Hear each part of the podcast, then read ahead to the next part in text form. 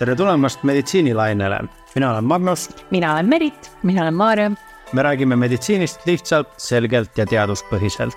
kutsume külla arste, kellelt küsime küsimusi, millele me sooviksime vastuseid, kuid tihtipeale ei julge küsida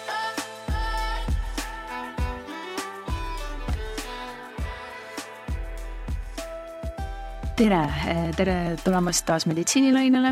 täna surfame sellisel teemal nagu prillidest vabaks. meil on siin väga tore saatekülaline Inger Viikna, kes on oftalmoloog. tere, oftalmoloog Inger. tere, tere. mis on oftalmoloogi ja silmaarsti vahe? Need on täpselt üks ja sama asi. üks on peenem nimetus lihtsalt, jah? ja, ja siin mõni inimene on seda nimetust osanud veel väänata nii, et ta vähe naljakam oleks tänases kontekstis nagu oftalmonoloog. aga sa võid monoloogi ka pidada, see on äh, täitsa lubatud siin. sa oled ka silmakirurg? olen tõesti. ehk siis äh, sina teed inimesi nägijateks taas?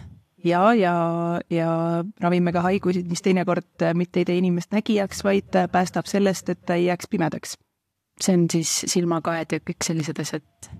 Näiteks glaukoom või silmapõhjahaigused, võrkkeste haigused on sellised, mille puhul lõikuse eesmärk sageli ei ole see, et äh, teha prillidest vabaks või, või anda nägemist juurde, vaid teinekord on lõikuste eesmärk see, et äh, päästa inimese silm ja silmanägemine nii, et äh, ta näeks ka edaspidi -hmm..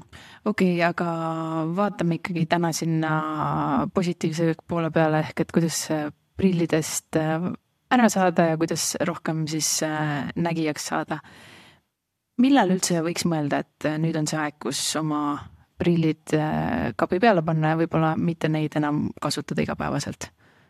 no see prillidest vabanemise otsus on hästi individuaalne tegelikult ja see sõltub inimesest, sõltub tema eelistustest, millega ta igapäevaselt tegeleb. et osadele on see valik tuleb sellepärast, et neile kosmeetiliselt ei meeldi prillid, ei meeldi seda kanda mm. -hmm sest see varjab nagu inimese nägu veidikene ja silmajoont ja osadel inimestel on see sellel, selle tõttu nad valivad endale prillidest vabanemise, et nad teevad näiteks äh, sporti, mis, äh, kus prillid segavad ja neil on lihtsalt aktiivne eluviis, kus need prillid jäävad igapäevastele tegevustele ette. noh, võtame näiteks mootorratturid, kes peavad mhm. kiivri all siis lisaprilli kandma, mis on sageli raskendatud või siis äh, sportlased, kes suusatavad või jooksevad, sõidavad rattaga, mis iganes muud spordialad, siis nad tahavad nendest prillidest lahti saada. Või siis näiteks võtame eluviisilt, kes on kõva filmiarmastaja ja tahab 3D filme käia vaatamas, siis äh, oma prillidega on väga raske seda teha. Neid põhjuseid on hästi palju, inimeste soovid ja põhjendused, miks neil seda operatsiooni on vaja, on väga erinevad osad on ka medi-, meditsiinilised näiteks näidustused, et inimesed, kes prilli ei taha kanda, tegelikult see on kosmeetiline, nad kannavad kontaktläätse ja ühel hetkel tekib selline olukord, kus kontaktlääts ei sobi enam nende silmale, neil tekib kontaktläätse talumatus mm. Ja sellisel juhul siis nad pöörduvad äh, prillidest vabanemise operatsiooni suunas.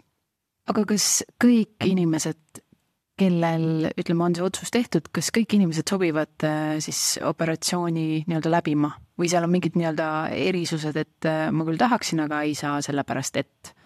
kõik inimesed ei saa kahjuks, et äh, on osad inimesed, kelle silmaehitus lihtsalt ei võimalda operatsiooni teha. ja osad inimesed on sellised, kes näiteks ei ole nägemine veel stabiliseerunud. mis see, mis see tähendab? see tähendab seda, et näiteks miinusprilliga võtame, et on kaheksateistaastane noor inimene, kellel on näiteks miinus kaks, aga see miinus aasta-aastalt läheb tal suuremaks veel ja iga aasta tuleb näiteks diopter juurde. et äh, üks aasta on miinus kaks, järgmine aasta on miinus kolm, siis on miinus neli ja tegelikult äh, noorest peast see miinus ka kasvab sageli. ja seda prillidest vabanemise operatsiooni me saame pakkuda siis, kui see miinus on stabiliseerunud ehk siis vähemalt aasta kuni kaks ei ole seda miinust juurde tulnud. näiteks või siis kellele veel ei saa teha, et äh, alla kaheksateistaastased äh, lastele seda operatsiooni ei pakuta. kas see on siis seesama põhjus, et tal ei ole see silm veel nii-öelda välja kujunenud? just, et ta ei ole täiskasvanud ennast. Et äh, sageli mõni, mõni kaheksateistaastane, ka siis ei ole veel see miinus stabiliseerunud, et siis me veel ei saa teha seda lõikust aga enne kaheksateistkümnendat eluaastat lastel me tõepoolest ei tee, et neil ka äh, see otsustamine peab olema piisavalt teadlik, et nad saavad aru riskidest ja, ja võimalustest, mis neile on antud. aga kas äh, on ka selline välistus, et, et mu prilli tugevus on juba natuke liiga tugev ma praegu teadmata sellest midagi ütlen, ma ei tea, miinus viis. Et kas, kas siis on ka, et, et justkui mina enam, mulle see operatsioon ei anna tegelikult midagi? tegelikult äh, tänapäeval no praktiliselt äh, enamus äh, refraktsiooni vigasid on võimalik korrigeerida, kui silmaanatoomia on selleks sobiv. et laseroperatsiooni, hästi palju erinevaid operatsioonitüüpe on, kuidas prillidest on võimalik vabaks saada, aga kui me praegu peamiselt keskendume siis laseroperatsioonidele, mis on siis need noorte inimeste prillidest vabanemise operatsioonid, siis laseriga on võimalik eemaldada kuni miinus üheksa dioptrit Äh, ja plussprilli kuni pluss kolm dioptrit kuskil keskeltläbi. ja siis osadel inimestel on veel silinder ja silindrid siis kuskil kuni miinus kuus dioptrit silindrit. aga miks sa ütlesid, et need on noorte inimeste operatsioonid? sellepärast, et äh, sarvkesta lihvimine, äh, sarvkesta laseroperatsiooni käigus me muudame silma eesmise osa kuju, mille toimel siis me saame näha teravalt kaugele noore inimese silma sees on niisugune oma lääts, mis äh, töötab nagu niisugune äh, elastne pall, mis aitab siis fokusseerida erinevatele distantsidele. ja äh, see läätse, lääts muudab oma kuju ja vastavalt oma kuju muutmisele, siis me suudame näha teravalt kaugele ja lähedale mm. -hmm. Kuskil neljakümnendast eluaastast oma lääts hakkab vananema ja tekib selline olukord, et see lääts muutub nii palju tihkemaks et ta ei ole võimeline enam oma kuju nii palju muutma, et ta suudaks fookust äh, viia ühelt kauguselt teisele mm. -hmm. ja see ei ole mingi haigus, vaid äh, see on normaalne ealine protsess ja selle toimel tekib esimene lugemisprill. see on siis plussprillid või? pluss, noh, plussprill jah. mul juba on plussprill. aga siis on, äh, lugemiseks läheb nagu suurem pluss, plussi poole. Ta aitab Aha. nagu seda fookust tuua lähemale. okay ja siis äh, kuskil neljakümnendast eluaastast äh, siis hakkab tekkima see, et, äh, et ei suuda nagu fookust ühelt kauguselt teisele viia ja lähedale vaatamiseks on vaja plussabi. ja kui me nüüd lihvime nelikümmend viis, viiskümmend pluss inimesel sarvkesta pinna ära, siis me võime saada kaugele väga tereva nägemise, aga tal jääb ikkagi vajadus lugemisprilli jaoks mm. -hmm. et siis on meil juba pakkuda muid operatsioonimeetodeid, näiteks läätsevahetuse operatsiooni ja sellega on võimalik siis näha nii kaugele kui ka lähedale.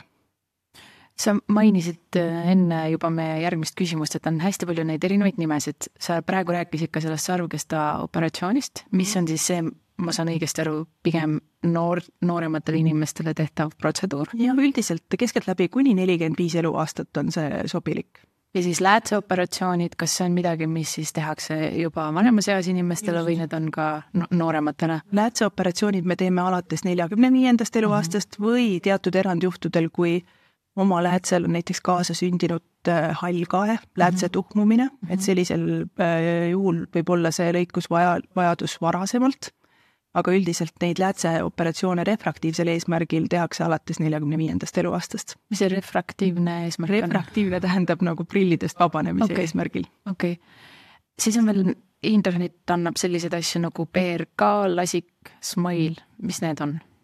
Need on nüüd erinevad äh, laser, äh, silmasarvkesta laseroperatsiooni tüübid ja tõepoolest äh, meil on väga palju erinevaid võimalusi, kuidas seda laseroperatsiooni siis võimalik on läbi viia ja vastavalt siis inimesele, tema vajadustele, tema silma anatoomiale, äh, siis äh, kirurg otsustab, et milline, milline operatsioonitüüp talle kõige sobilikum on. aga põhimõtteliselt on üks ja sama asi siis, aga lihtsalt erinev no tüüp? eesmärk on sama mm, -hmm. prillidest vabaks saada sarvkesta lihvimise äh, toimel, aga äh, nende meetodid, nende meetodid on kõik erinevad mm. -hmm. ja sa nimetasid PRK, lasik ja Smile ma mõtlen, et ma võib-olla hakkan siis kõige ajaloolisemast meetodist, mis on kõige vanem meetod, on siis see PRK ehk siis puutevaba laseroperatsioon. et kui te kuskil kuulete, et öeldakse, et puutevaba operatsioon, siis see tähendabki seda PRK-d. see kujutab endast siis seda, et laser siis lihvib sarvkesta kõige eesmise pinna ühtlaselt äh, maha. ja ta ei lõika, mingeid lõikeid ei tee, aga ta lihtsalt lihvib kogu pindmise osa maha ja see on osadele patsientidele väga hästi sobilik. aga ta alati ei pruugi olla kõige parem valik, sellepärast et sellest taastumine võtab päris kaua aega. valulik periood on kuskil esimene nädal mm -hmm. ja lõplik nägemistaastumine on kuu aja pärast mm. -hmm. see on siis kõige vanem meetod. aga, aga kas tas on siis ka võib-olla kõige vähem riske? Ja ma mõtlen, kui, kui nii kaua võtab aega see taastumine, et, et mis ta nii-öelda plusspool on?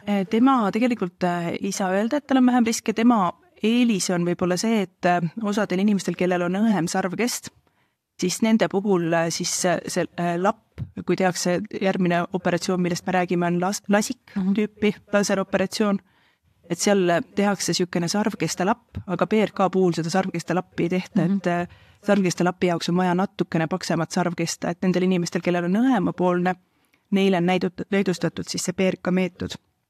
aga PRK-l on, ütleme, omad miinused ka, tema miinus on see, et ta teeb hästi suure haava silmapinnale, et kogu see pindmine kiht on maha lihvitud, hästi suur mhm. haav on ja paranemise käigus siis äh, see pind peab ära nagu, äh, pind peab ära kattuma silma niisuguste epiteelirakkudega, et äh, sellel perioodil, kui ta ei ole kattunud, et siis on niisugune infektsioonirisk on seal natukene suurem kui teiste lõikustega. mul hakkasid just äh, silmad valutama. okei, nii ja siis äh, ja siis see smile. ma võib-olla nüüd natukene räägin enne smile'i, räägin veel lasikust. et kuna see smile on nagu tulnud lasikust välja kasvanud et äh, lasik on siis sellest PRK-st nii-öelda edasi jõudnud meetod ja lasiku eelis on see, et äh, temaga on kõige kiirem taastumine mhm. kõikidest mm -hmm. nendest meetoditest. ta on äh, patsiendid tegelikult sama päeva õhtuks, on nägijad ja toimetavad tavapäraselt yeah.. järgmine päev nad võivad praktiliselt kogu täiega minna oma igapäevatoimestuste juurde, välja arvatud siis bassein, saun ja mm, -hmm. ja niisugused trauma, traumariskiga tegevused aga lasiku meetod on siis selline, kus äh, sarvkestale tehakse niisugune õhukene lapp, äh, mis tõstetakse eest ära ja siis selle lapi alt lihvitakse siis sarvkesta õhemaks, võetakse ära see miinus, see lapp pannakse oma koha peale tagasi, nii et see haavakene, mis sinna silmapinnale jääb, see on hästi õhukene kriips. Ja see valu, see paraneb hästi kiiresti ära ja see va-, äh, sellist valu peale operatsiooni tegelikult ei ole.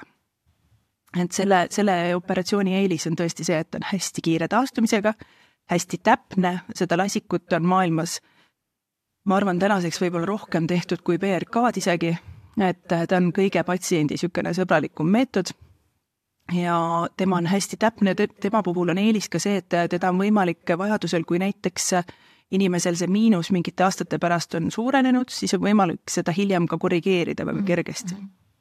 et kordusoperatsiooni tegemise mõttes on see hea, hea meetod ja siis on kõige uuem meetod on Smile meetod. Ja Smile kujutab endast seda, et mitte ei tehta lappi lahti, vaid tehakse niisuguse spetsiaalse laseriga. Sinna sarvkeste sisse niisugune nagu äh,, nagu läätsekujuline lõige.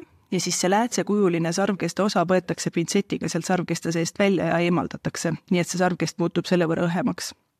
et selle eelis on siis see, et see haavakene, mis silmapinnale jääb, et kui lapiga jääb, eks ole, niisugune poolkaarjas äh, haavakene mm, -hmm siis äh, Smile'iga jääb niisugune üks väikene kriips, äh, aga tema miinus on see, et ta võtab äh, natuke kauem aega, et, et ta taastuks nägemine, kuskil isegi võib võtta paar nädalat kuni kuu mm. -hmm.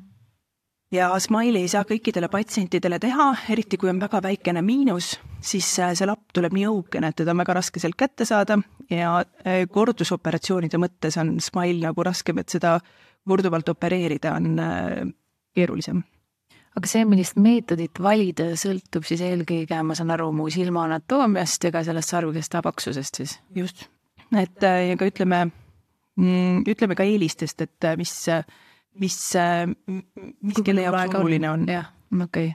mm. -hmm Äh, ehk et tegelikult meetodid on, äh, kõik teenivad ühte eesmärki ja ei saa öelda, et üks on teisest parem, peab lihtsalt teadma seda, mis on nii-öelda mulle sobilik ja samas ongi see, et kui kaua, ma ei tea, ma saan olla eemal auto juhtimisest, sest ma kujutan ette, et selle PRK-ga, kui sa ütlesid, et see on kuu aega mm, -hmm. no siis ma vist järgmine päev väga liiklusesse ei lähe. ei, tegelikult äh, siis on ikkagi töövõimetusleht nädal aega mm. -hmm.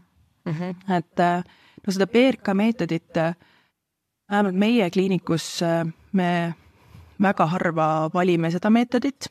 Äh, me pigem eelistame mitte, sellel on, kuna ta, ta, ta see haavaperiood on nagu niivõrd palju pikem kui teistel meetoditel, et siis nagu mõningad muud riskid nagu kaasnevad sellega veidike suuremad äh,. siis kõige sagedasem meetod, mida tegelikult ülemaailmselt kõige rohkem tehakse, ongi lasikmeetod mm. -hmm. et ta on hästi-hästi hea tulemusega, hästi täpne, hästi korrigeeritav ja hästi jälgitav hästi, aga ütleme nüüd äh, niimoodi, et äh, mul ongi see lasikuaeg kirjas äh, detsembri alguses. kuidas ma selleks operatsiooniks ette valmistun, kas on mingi aeg, millal ma ei tohi kanda läätsesid, kas ma pean käima mingisugustel mõõtmistel, kas ma pean tegema mingeid harjutusi või, või mida ma saan ise või mida ma saan ja mida ma peaksin tegema selle jaoks, et see operatsioon mul hästi läheks? no kõigepealt operatsiooni kindlasti äh, kirja ei panda enne, kui silmaarst on äh, saanud äh, kontrollida silma üle. et kõigepealt esimene samm, mõeldes, et tahaks teha detsembris lõikust mm, -hmm. siis esimene samm on panna aeg operatsiooni eeluuringule mm, -hmm. see on tegelikult hästi põhjalik silmauuring, mis on kasulik isegi juhul, kui ei saa teha operatsiooni, on kasulik igal juhul see silmakontroll ära teha. ja selle käigus siis äh, tehakse hästi palju erinevaid mõõtmisi silmale. Alustatakse sellest, et mõõdetakse ära silma tugevus, vaadatakse nägemisteravust äh, prillidega ja ilma, mõõdetakse ära silma sarvkesta äh, laius, diameeter, mõõdetakse ära pupillide suurused äh, ja siis tehakse silma niisugune nagu maakaart või topograafia on selle nimi, et kui regulaarne silmasarvkest on, kui paks ta on, kas tal on mingisuguseid elastsuse eripärasid mm, -hmm. Mõõdetakse ka see ära ja siis äh, hinnatakse ka silmapõhjad üle, et äh, seal ei oleks mingisuguseid silmapõhja patoloogiaid, mis võiksid mõjutada nägemist või mis võiksid äh, olla tuleviku mõttes patsiendile ohtlikud nägemisele. ja siis mõõdetakse veel selline asi nagu tilgauuringu järgselt silma tugevus veel peale tilka ja miks seda tilgauuringut tehakse, see tilk, tilgauuring tähendab seda, et pannakse silma sisse niisugune laiendustilk, mis teeb silmapupilli hästi suureks mm. see teeb ka nägemise sageli uduseks mm. ja siis selle tilgauuringu käigus äh, tekib selline olukord, kus silmasisesed lihased lõdvestuvad. ja me saame teada silma tegeliku tugevuse mm. -hmm. et kui me hakkame korrigeerima osadel inimestel, kes teevad väga palju lähitööd näiteks, on silmalihased niisuguses ülepinges, nad on krampis ja nad ei lase ennast lahti ja nad annavad tegelikult vale mõõtmistulemust. Ja osadel inimestel isegi kirjutatakse prillid selle vale mõõtmistugevuse järgi, et seda krampi tekib nagu aina rohkem juurde ja prilli tugevus muutub tugevamaks, aga tegelikult silma tegelik tugevus ei pruugi olla üldse nii tugev uh. -huh. aga kui äh, sa ütlesid, äh, et ma pean tegema siis selle eeluuringu, kus kõik need asjad ära mõõdetakse, hästi, mul on see tehtud kõik näitajad siis sobivad selleks, et ma saan opile minna, mis aja pärast ma saan siis opile minna, kas see on mingi kuus nädalat või mis see vahe seal siis on? operatsiooni ainukene, ütleme, nõue on, et kümme päeva ei kannaks kontaktläätse enne operatsiooni ja vähemalt äh, kaks-kolm päeva enne uuringut ei tohiks kontaktläätse kanda mm. -hmm et see põhjus on see, et see kontaktlääts natukene mõjutab neid mõõtmistulemusi, et äh, me tahame võimalikult täpset tulemust saada operatsioonipäeval, et see silm ei oleks äh, kontaktläätse poolt kahjustatud mm -hmm. ja et ta oleks võimalikult niisuguses naturaalses olukorras. Ja, ja siis, kui see kümme päeva on, ütleme näiteks, te tulete uuringule nii, et on kaks päeva ei ole kontaktläätse kandnud, uuringu käigus selgub, et on võimalik operatsiooni teha, siis sealt juba kaheksa päeva pärast me võime lõikuse planeerida. -hmm. väga hea, ma mõtlesin, et see aeg on palju pikem või et seal on mingi kuu aega vahe, mis ma ei ole osade inimestega, kellel näiteks äh, need mõõtmistulemused äh, on niisugused piiripealsed või on silmapind on kuiv näiteks, uuringute käigus mõõdetakse operatsioonieelselt ka silmade kuivust ja kontrastitundlikkust, et kui seal näiteks on mingisugune kuivusprobleem või kontrastitundlikkusmure, siis me võime teha näiteks nii, et me kasutame niisutavate tilkade ravikuuri mm. mingi periood enne, kutsume korduvale visiidile, et hinnata, kas see probleem on lahenenud ja kas me saame edasi siis minna operatsiooni planeerimisele või mitte. Aga need eelmõõtmise tulemused ma saan siis kohe seal kohapeal kätte? okei, neid ma ei pea kuskil ootama? ei okay., seal mingit vereanalüüsi ei võeta. okei okay,, okei okay. nii, mul on nüüd äh, operatsiooni aeg äh, kirjas Eh, nüüd on aeg eh, hakata hirmu tundma, ehk et võtame läbi need eh, võib-olla kõige levinumad hirmud, mis operatsiooniga seonduvad. punkt üks, kas ma võin pimedaks jääda? Need silmalaseroperatsioonid, nad on väga ohutud operatsioonid ja kogenud silmaarstid neid teostavad, pimedaks jäämise risk on praktiliselt olematu. nagu kõikide meditsiiniliste protseduuridega, siis ka sarvkesta operatsioonidega kaasnevad teatud riskid ja tüsistused, aga need on üliharvad pimedaks jäämise risk on äärmiselt madal. aga otse loomulikult iga patsient ja iga patsiendi nägemishäire on äh, väga unikaalne mm -hmm. Ja oluline on selles mõttes konsulteerida oma silmaarstiga enne operatsiooni, et millised on teile pääduvad riskid mm. -hmm. aga kas on võimalik, et pärast operatsiooni mul on ikkagi prille vaja, et äh, mul justkui see operatsioon ei andnud siis seda tulemust, mis ma lootsin, et nüüd saab prillid äh, kapi peale unustada? et äh, vaatamata sellele tegelikult, et kõikidel sarvkesta operatsioonidel on väga suur edukuse määr, siis on üksikuid inimesi, kellel võib olla selline harv olukord, kus nad võivad vajada prilli teatud kaugusele.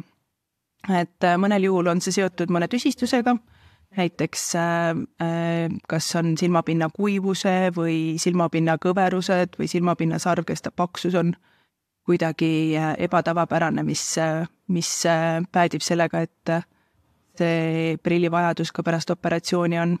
aga samas ma ütleks, et väga oluline on äh, e, järgida neid operatsioonijärgseid juhendeid, mis, mis antakse sellest kliinikust, kus te lõikused teete kaasa mm, -hmm. siis selliste muutuste risk on minimaalne ma kuulan sind, ma kuulasin neid erinevaid meetodeid ja mulle tundub, et see on paganama valus, kui keegi lihvib mu silmamuna no tegelikult äh, see operatsioon toimub niisuguse tilgatuimestusega ja valu absoluutselt ei ole, äh, võib tunda niisugust okay. Äh, kerget ebamugavustunnet ja survetunnet võib olla tunda, aga tegelikult selle operatsiooni käigus mingit valu ei ole uh. -huh. pärast operatsiooni, siis kui see tuimestavate tilkade mõju läheb mööda, siis tekib niisugune purutunne, liivateratunne uh, -huh. ebamugavustunne tekib silmas. et see ka nüüd oleneb natukene sellest operatsiooni tüübist, mis on valitud et kui me räägime näiteks siis sellest lasikktüüpi operatsioonist, siis äh, selle järgselt on nii, et esimesel kolmel-neljal tunnil on sellist äh, silmade vesitsust, purutunnet, äh, ebamugavustunnet silmades ja see ka natuke, kui tundlik keegi on, sõltub natuke inimesest ka, et et kes seda ebamugavust rohkem tunnetab, kes vähem, aga see kestab ikkagi lühikest aega ja paari tunniga juba see ebamugavustunne möödub. aga millega sa mainisid siin seda liivateratunnet, sa mainisid seda, et äh, mul võib äh, pisaraid, ma saan aru, tulla silmast. silmad on hästi vesised peale operatsiooni esimesel paaril tunnil. ma olen näinud, et päikseprille vist ka kantakse, eks? jaa, sest kuna see, kuna see pind hästi-hästi palju kuivab vahetult peale mm -hmm. operatsiooni, siis silm kardab hästi valgust mm -hmm. ja need päikseprillid ongi sellepärast, et lihtsalt natukene tekitada mugavamat olukorda aga kas siis äh, talv või sügis Eesti kliimas on parem aeg, kus seda operatsiooni teha, arvestades, et siis nagu valgust väga ei näegi? noh, iseenesest peale operatsiooni patsient äh, esimesel tunnil näiteks äh, meie kliinikus on nii, et esimesel tunnil äh, peale operatsiooni äh, ta veedab meie juures mm, -hmm. ehk siis see nagu kõige raskem periood on meie juures pimedas ruumis äh,.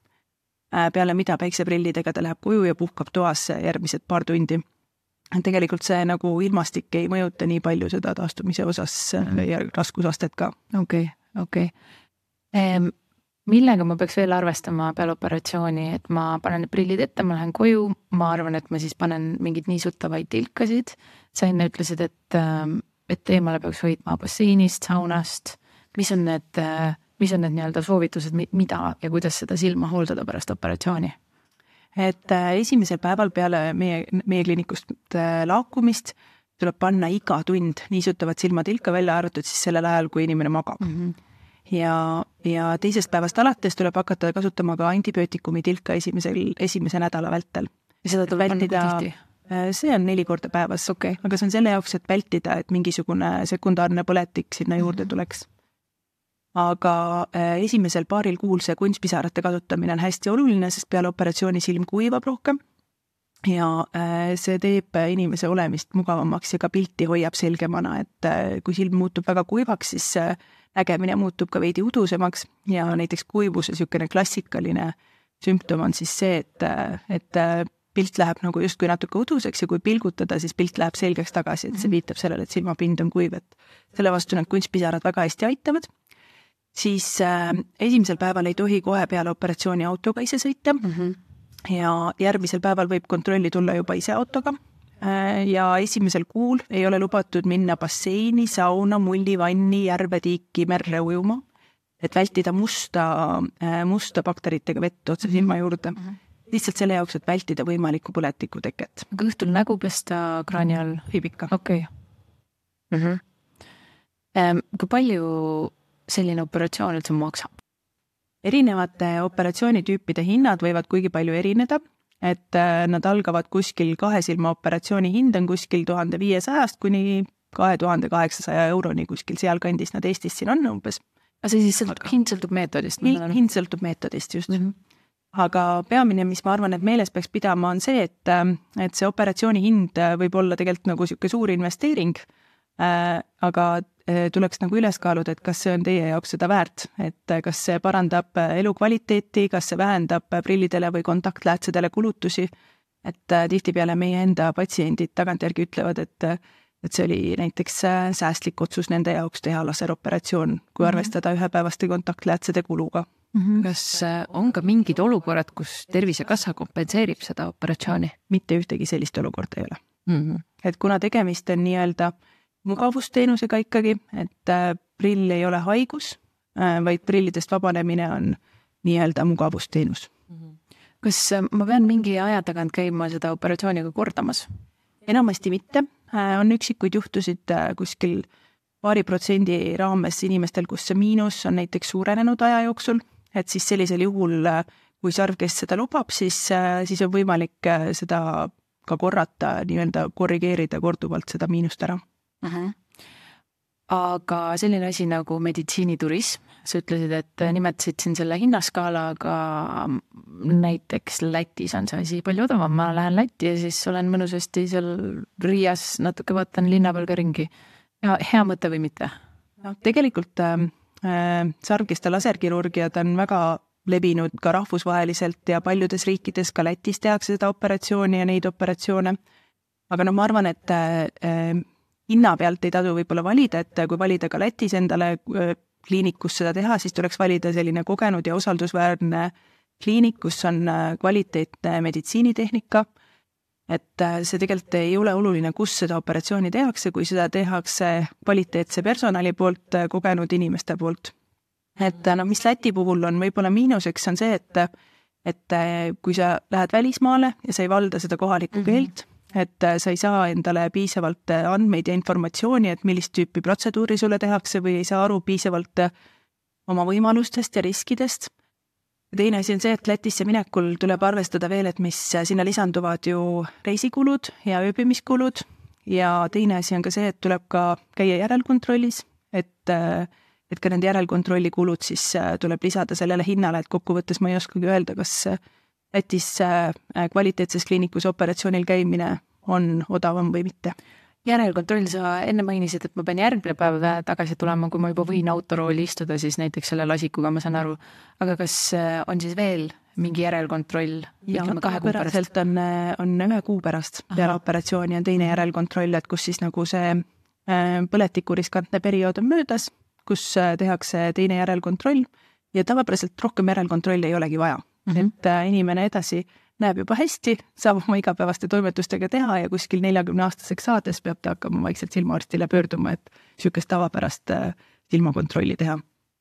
aga kui näiteks on mingisugune kuivuse probleem peale operatsiooni, mis, mis vajab äh, silmaarstlikku abi, siis sellisel juhul ta käib sagedamini näiteks paari kuu pärast veel kord kontrollis, et, et kuivuse osas abistada. kas silmaoperatsioon on Eestis nii-öelda kasvava populaarsusega protseduur? silmaoperatsioon on, see silma laseroperatsioon on kogu maailmas tegelikult äh, väga populaarne äh, operatsioonimeetod, operatsioonitüüp. Äh, Eestis, kas ta on kasvav, raske öelda praegu, et inimesed ikkagi, aktiivse eluviisiga inimesed teevad seda ja ta on piisavalt ohutu ja ja nagu tuntud operatsioonimeetod või protseduur juba inimestele, et äh, seda tehakse üsna palju. aga kas põhjus on seal see, et ma tahan äh, täpselt eladagi aktiivset elu ja mul on see võimalus seda teha või siis me oleme lihtsalt hakanud halvemini nägema? seal on mõlemat asja, et äh, miks tehakse operatsiooni, see põhjus on tõesti see, et inimesed tahavad elada ilma piiranguteta, aktiivselt teha kõiki asju ilma segajateta, et see on see põhjus, miks üldse seda operatsiooni pakutakse mm. -hmm aga kogu maailmas äh, müoopia ehk miinusprilli äh,, miinusprilli olemasolu kasvab kõikide, kogu populatsiooni seas. et äh, see tuleneb sellest, et äh, lapsepõlvest saati meil on suurenenud lähitöö ja ekraanikoormus, mis mhm. on üks, üks põhjustest, mis suurendab seda miinusprilli esinemist populatsioonis. ehk et äh, siis väikestele lastele või üldse lastele või võib-olla ka teismelistele vähem ekraaniaega, rohkem, ma olen ka seda kuulnud, et, et mida rohkem olla õues ja võib-olla päevavalgus, vaadata kaugemale, lähemale, et see peaks ka justkui aitama seda silma hoida. tõepoolest, õues päevavalguse käes viibimine Äh, vähendab äh, miinusprilli tekke riski ja soovituseks tänapäeva lastel on igapäevaselt vähemalt kaks tundi õues viibida.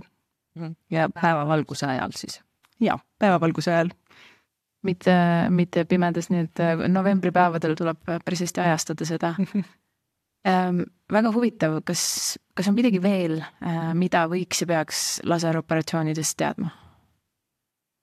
ma arvan, et äh, laseroperatsioonide kohta lisainformatsiooni saab võib-olla kõige paremini nii, et äh, kes on prillikandja ja soovib prillidest vabaneda, käib äh, põhjalikul silmakontrollil, saab väikse ülevaate oma silmade tervise kohta ja, ja vastavalt tema silma anatoomiale siis juba pakutakse operatsioonimeetodeid. minu soovitus on see, et kui te planeerite endale silmaoperatsioone, operatsiooni, siis laseroperatsiooni, siis saage ka aru, millist meetodit teile pakutakse. Mhm. -huh et, et see oleks ka teie soovidega äh, kokku sobiv mm. -hmm.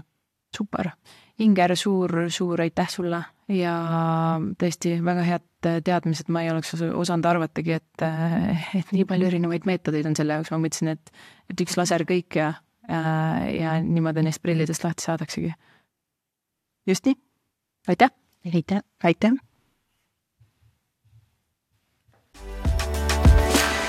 aitäh, et oled meiega meditsiinilainel. leiad meid ka Instagramist ning postkasti ootame küsimusi ja tagasisidet. Kohtumiseni järgmisellä lainalla.